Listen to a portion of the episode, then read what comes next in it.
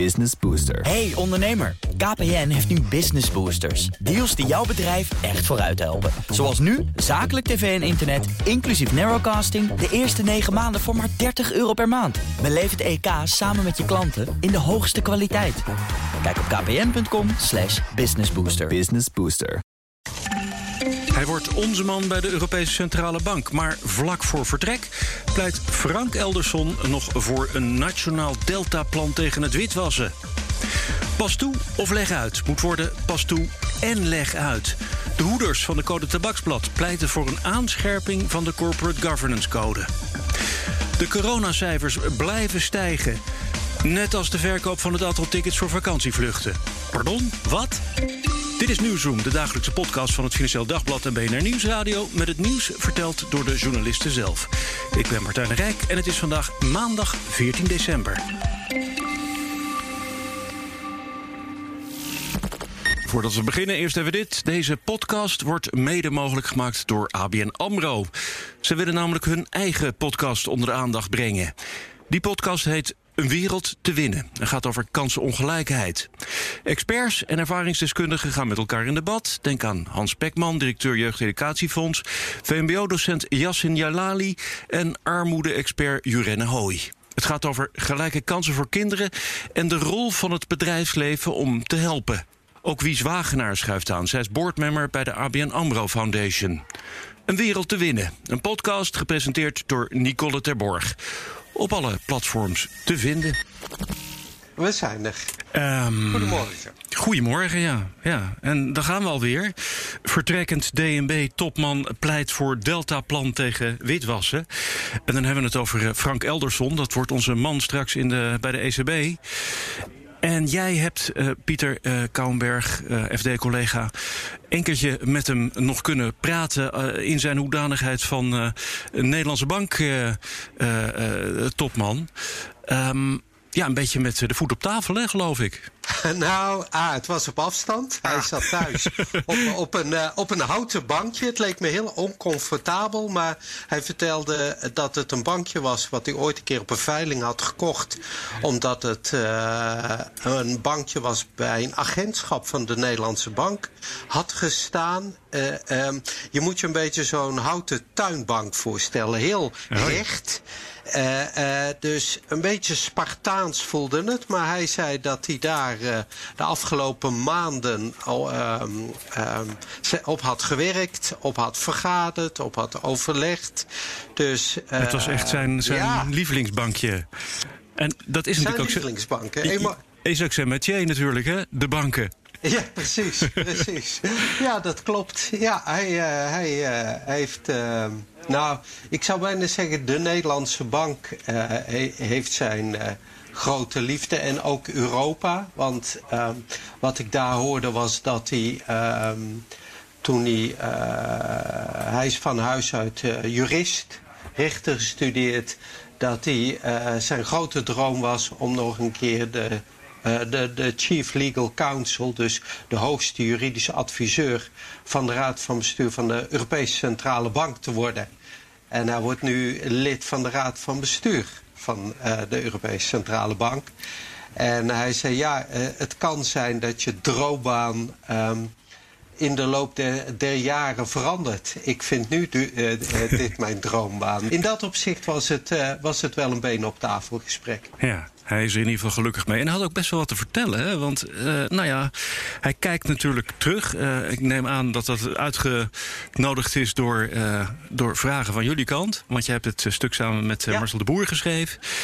Um, terug op, op, nou ja, toch woelige tijden. Hè? Alles sinds de, de, de, de, financiële crisis. En alle veranderingen die dat in, in gang gezet heeft.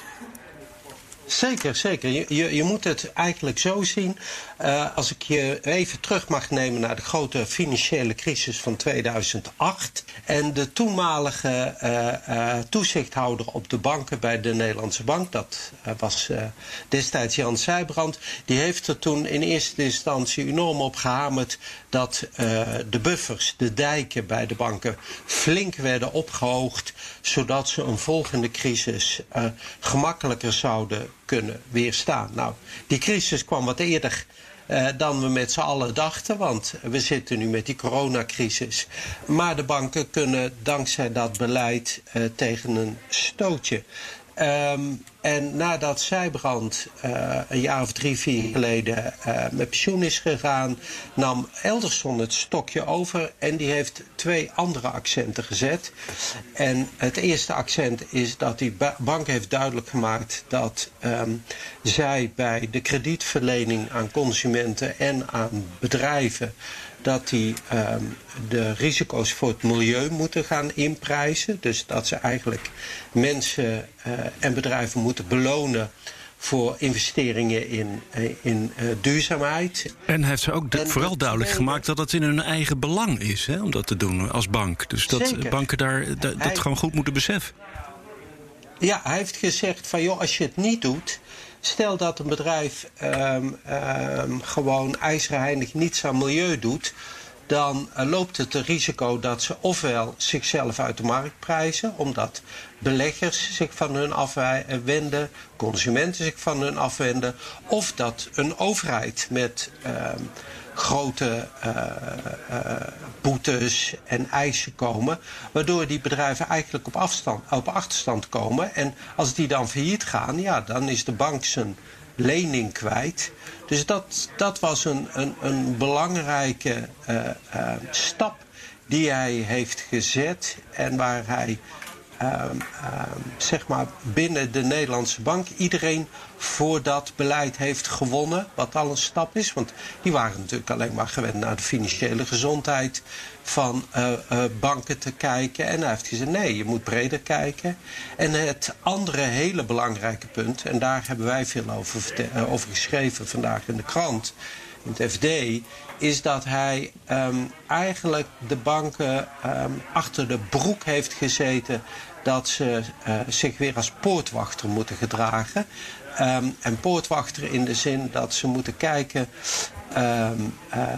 of er uh, crimineel geld via hun rekeningen op hun bank terechtkomen of transacties worden gedaan. En dan moet je denken aan drugsgelden, aan terrorismefinancieringen, aan alle vormen van onderwereldgeld. Ja. Want uh, Elderson Um, en hij is niet de enige hoor. Alle centrale bankiers, alle politici, die hebben de afgelopen jaren met elkaar geconstateerd dat de onderwereld een steeds dikkere vinger in de pap krijgt bij de bovenwereld. In Nederland, zo zijn de berekeningen, zo zijn de schattingen, dat ongeveer 16 miljard aan zeg maar fout geld de, uh, door, door de Nederlandse banken heen sluizen. En hij heeft gewoon gezegd, jongens, dat moet stoppen. Dus jullie moeten, jullie moeten je, je huiswerk beter gaan doen. En jullie moeten meer poortwachters gaan aanstellen. En volgens mij hebben heel veel banken dat ook inderdaad gedaan. Hè? Uh, de, ik, ik, las in je, in je stuk ook dat uh, bij ABN AMRO ongeveer 1 op de 7 medewerkers met dit probleem bezig is. Wat echt ontzettend veel is dus eigenlijk. Um, maar daar stopt hij niet, hè, Elderson. Die, hij wil verder. Ja, hij, wil, ja. hij, wil, hij kijkt niet alleen naar die banken. Hij zegt, nou ja, zeg het maar. Ja, ja nou, hij heeft, hij, heeft, hij heeft een prachtige beeldspraak. Hij zegt, je kunt dan wel controleurs, poortwachters... in zijn, uh, uh, zijn metafoor voor de poorten van de stad... of voor de poorten van Nederland zetten. Hij zei, maar daar ben je er nog niet mee. Want hij zei... Um, het gaat om zulke enorme hoeveelheid geld dat als er een poortwachter staat, dan klotst al dat crimineel geld wel over de muren en komt het toch Nederland binnen.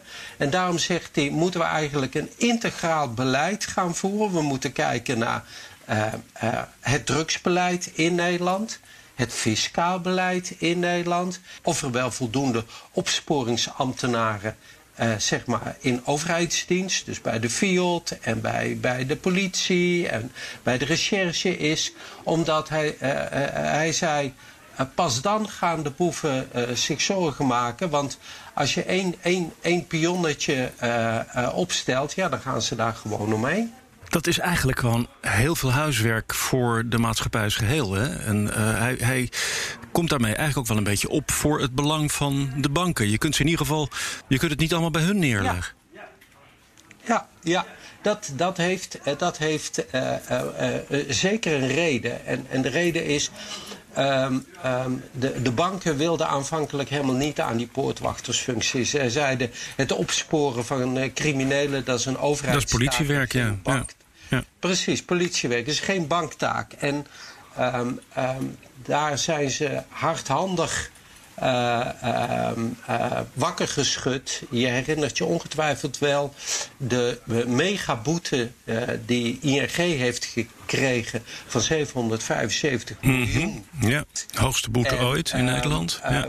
De hoogste boete ooit in Nederland. Ze hebben ook een, een, een pakket herstelmaatregelen opgelegd gekregen van de Nederlandse banken. En je ziet nu dat alle banken in Nederland zo geschrokken van die boete um, allemaal um, in, uh, aan de slag zijn gegaan met, met uh, um, dat herstelproject of de hersteloperatie. Dus iedereen is nu mensen aan het aannemen om, om die poortwachtersfunctie te vervullen.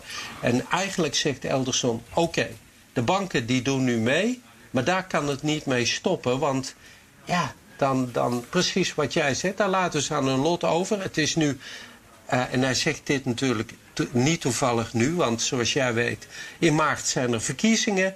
En eigenlijk zegt hij: jongens, um, uh, politieke partijen, um, ga maar eens in verkiezingsprogramma's nadenken over hoe kunnen we dat criminele geld uh, buiten Nederland houden. En um, het is niet voldoende als je de banken op hun vestje spuugt. Die doen nu hun werk. De, de, de bal ligt nu bij jullie. Ja, hey, hij gaat naar Europa. Uh, neemt hij dit verhaal ook mee ja. die kant uit? Ik heb hem inderdaad aan het einde gevraagd wat hij, uh, wat hij in Europa gaat doen. Nou, hij heeft gezegd dat hij die, uh, die missie van dat crimineel geld aanpakken, dat, dat zal hij vol elan doorzetten. Het zal je ook niet verbazen dat hij die duurzaamheidsmissie gaat doorzetten. En uh, waar ik wel een beetje om moest lachen, was dat hij aan het einde een, een heel voor mij politiek correct statement deed, maar het klonk heel oprecht. Hij zegt dat hij uh, de diversiteit uh, voortvarend gaat aanpakken, want hij had een foto gezien van uh, de raad van bestuur van de ECB. En dat waren 24 mannen en één vrouw. En dan denk je, oh, het is de, de, de man-vrouw relatie. Nee, wat hem was opgevallen, was dat ze allemaal wit waren. Allemaal blank. En hij zei, ik, ik wil die diversiteit in de brede aanpakken. We gaan hem daarop afrekenen over een jaar. Ik wou net zeggen, dat gaan we letterlijk uh, goed uh, zien of dat uh, gelukt is. En ik denk dat zijn, zijn bankje mee mag, toch? Naar Frankfurt. dat heb ik hem nou niet gevraagd. Maar, uh, ik denk Vast het, wel, toch? Ik denk het wel. ik denk het wel. Hij was er zo verknocht. Ja. Uh, uh, ik denk dat hij meegaat. Dankjewel, Pieter Kouwenberg van het Financiële Dagblad.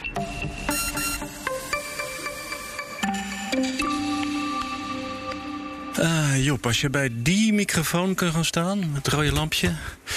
En anders, en dat is natuurlijk in verband met uh, corona, moet je me even uitleggen waarom je dat niet doet. Waarom ik dat niet doe? Ja, Comply dat... or complain? Ja. explain was het, geloof uh, ik. Uh, comply or explain? Klagen mag ook, hoor. Ja, ik, ja. ja complain. Ik, laat hem meteen maar complainen. Ja. ik word helemaal gek van die coronamaatregelen. Pagina 7, daar staat hij. Pauline. Pauline. Nou, eerst Job Wout van het Financiële Dagblad. Die nog eventjes snel nog de deur dicht uh, doet. Um, we gaan het hebben over de code tabaksblad. Ja, de code tabaksblad. Een, uh... Die weer eens een beetje geüpdate mag worden, want dat gebeurt elk jaar. Hè? Nee, het gebeurt niet elk jaar. De laatste okay. update is van 2016. Oh, oké. Okay. Uh, en uh, de code zelf dateert van 2003. En er is uh, tussen 2003 en 2016 ook nog één keer eerder een update geweest. En er is een commissie. Een, zeg een breed samengestelde commissie onder leiding van Pauline van der Meer-Moor, onder meer bekend als commissaris bij DSM. En die commissie die kijkt ieder jaar evalueert ieder jaar hoe bedrijven zich dan houden aan die code tabaksblad. En eens in de zoveel tijd komt die commissie tot het uh, wijze besluit om, eens te kijken, om, om die code misschien eens wat te actualiseren. Ja, en, en daar gaan ze, gaan, ze, gaan ze nu wel weer serieus werk van maken. Ja, want als ik het goed lees. Hè, we hadden het eventjes over dat uh, aanpassen of, of gedraag je of verklaar waarom je dat niet doet. Ja. um, Maar dat zou wel eens eh, verleden tijd kunnen zijn. Ja, daar gaan, ja, ja, daar gaan ze nu eh, serieus naar kijken. En een van de redenen waarom ze daar serieus naar gaan kijken is. Ze laten ieder jaar ook een, eh, zeg een kwantitatieve analyse maken door CEO, economisch onderzoek. Dat zit hier in Amsterdam. Ja, en er komt ieder jaar weer een geweldig goede score uit. Van bijna 100 procent. bedrijven die zich aan die tabaksbladcode dan ze uh, lijken te houden.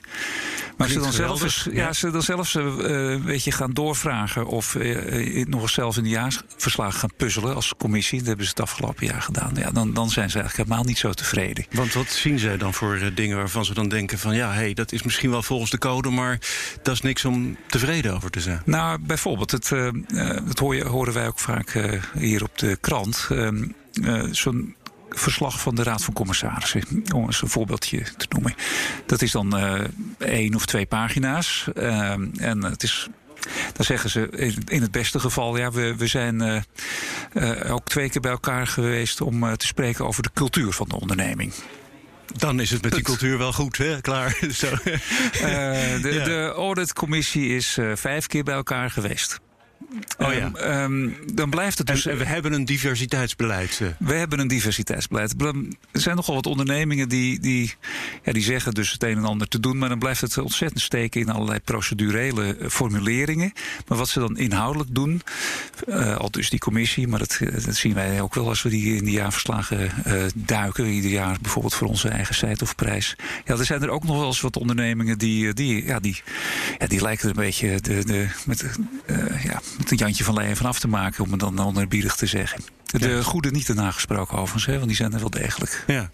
Um, het getal wat dat, uh, die Stichting Economisch Onderzoek noemt... is iets van 98,4 procent. Ja.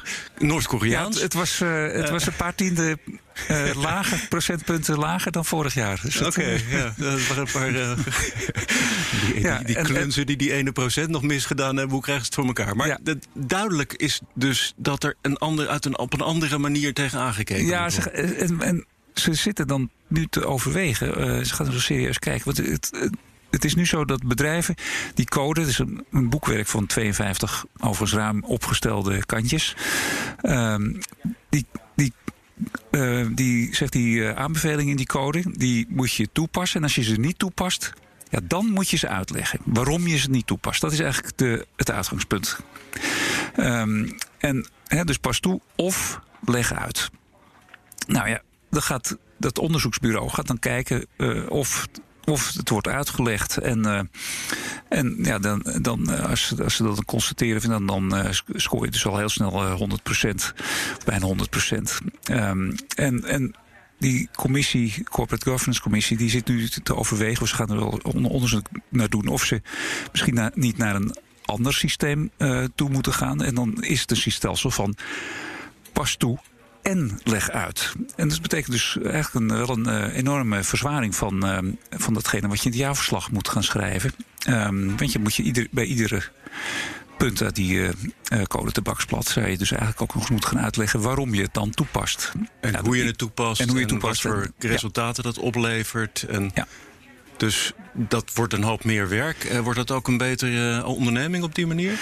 Nou ja, uiteindelijk uh, is het wel natuurlijk het doelstelling om die ondernemingen beter te maken, om ze transparanter te maken voor aandeelhouders, voor voor, de beleggen, voor het beleggend publiek, voor de werknemers, voor de klanten, de toeleveranciers. Eigenlijk voor alle belanghebbenden van ondernemingen. Dat is natuurlijk toch het achterliggende gedachte. Is dat het geldt overigens alleen voor beursgenoteerde ondernemingen. Maar dat, dat die verslaggeving, de, dat die transparantie de, de kwaliteit van de vennootschap ook uh, verbetert.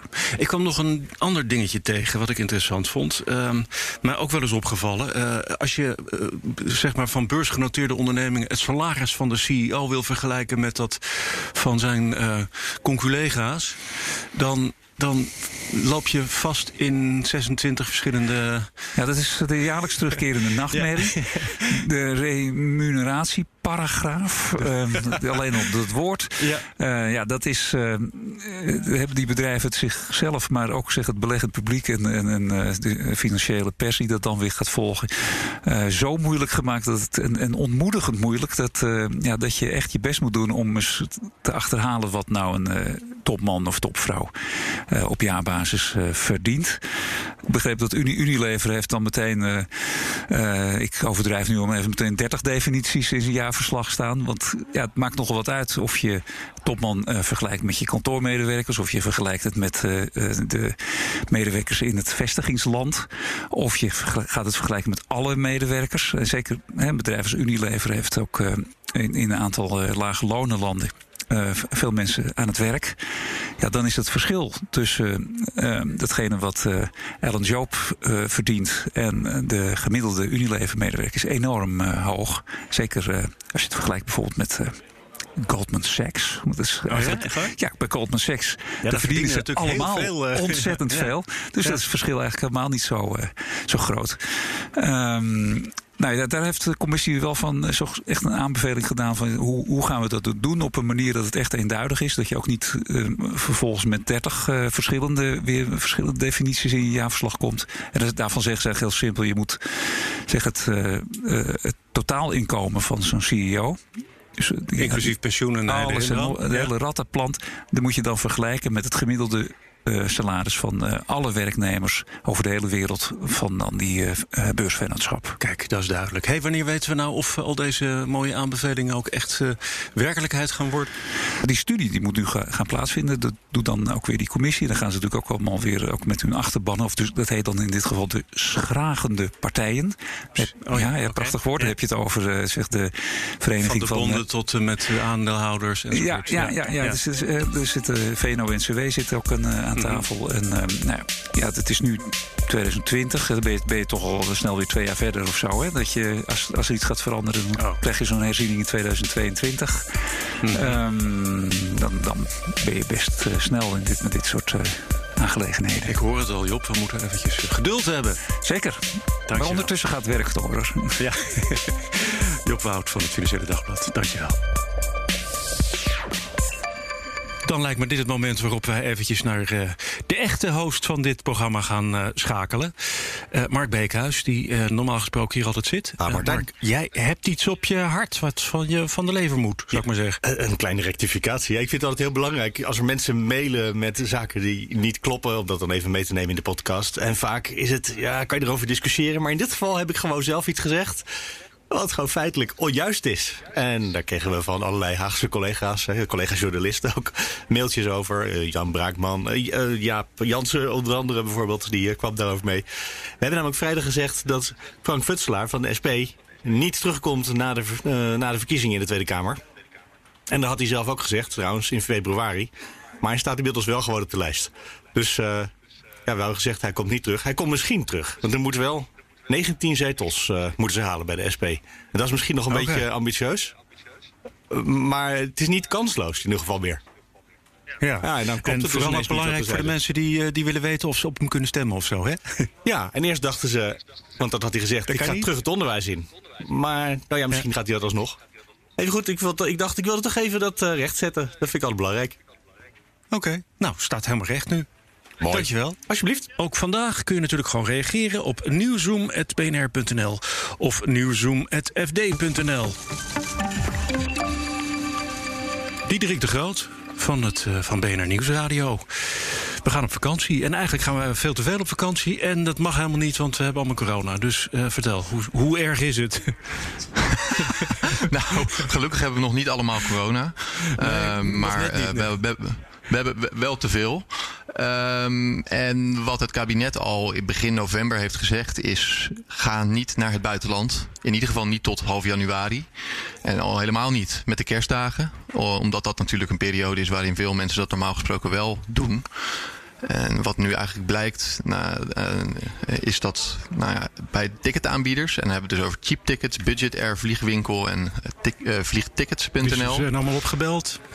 Ja, die zijn opgebeld door mijn collega's Julia Bokdam, Laurens Groeneveld en mijzelf. En daaruit blijkt dat eigenlijk er een grote toename is te zien van mensen die met de kerst en eh, een ticket boeken om naar het buitenland te gaan voor vakantie, familiebezoek. Nou ja, dat weet je natuurlijk nooit. Maar familiebezoek is in ieder geval ook geen urgent bezoek of noodzakelijke reis. Mhm. En dat valt er dus ook onder wat premier Rutte destijds bedoelde met Doe het niet. Doe het in ieder geval niet. En uh, ja, je ziet ook de bestemmingen erbij. Turkije, Portugal, Spanje zijn heel populair. Nou is Turkije vaak nog een bestemming inderdaad voor familiebezoek. Maar Portugal en Spanje klinkt toch al klinkt wat meer als uh, waarschijnlijk vakantie. Ja, een vluchtje naar de zon, precies. Ja, ja, ja. ja, ja, en uh, dus is dit natuurlijk slecht nieuws in die zin voor het kabinet. Want mensen die doen dus wat zij niet willen dat ze doen. Ja. Heb je hier ook een getal bij? Een getal wat uh, ons iets kan vertellen over hoe, hoe erg dat dan is eerst?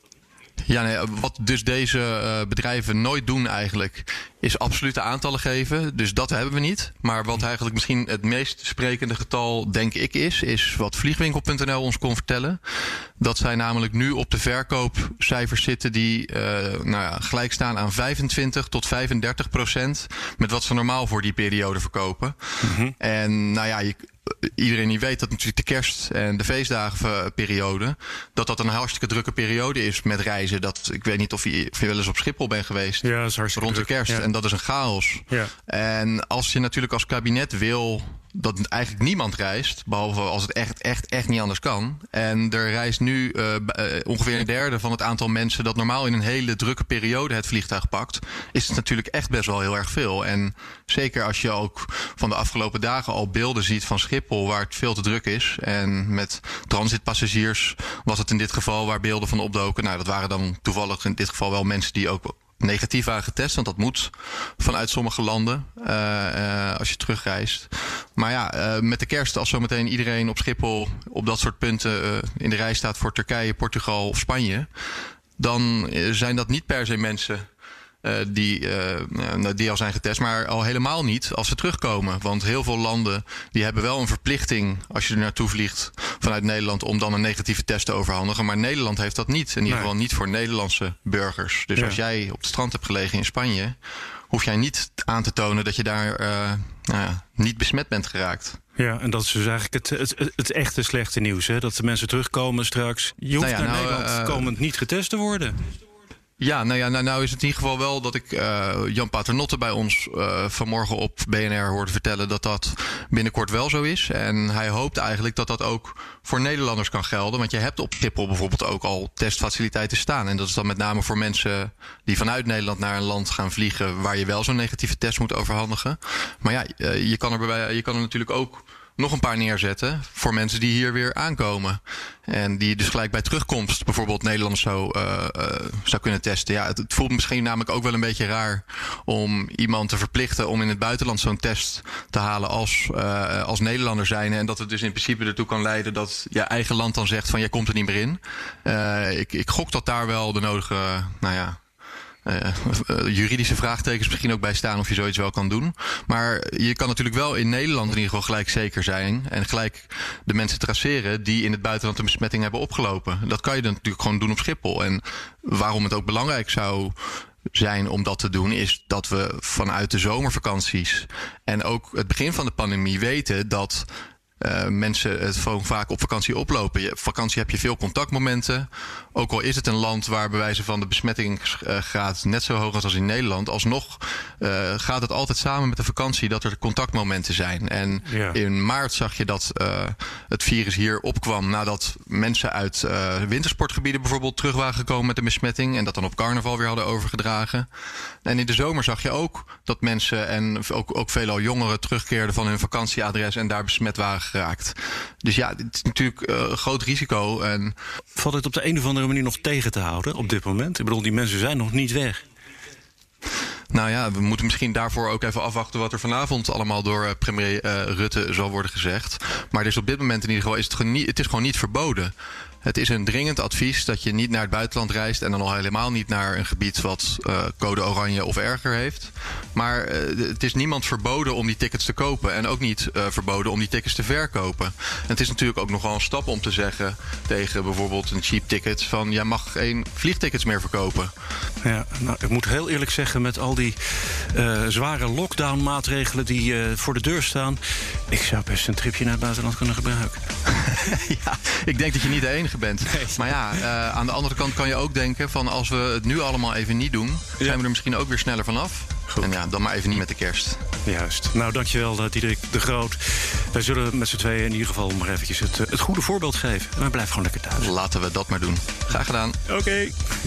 dat was Nieuwsroom voor vandaag. Heel graag. Tot morgen.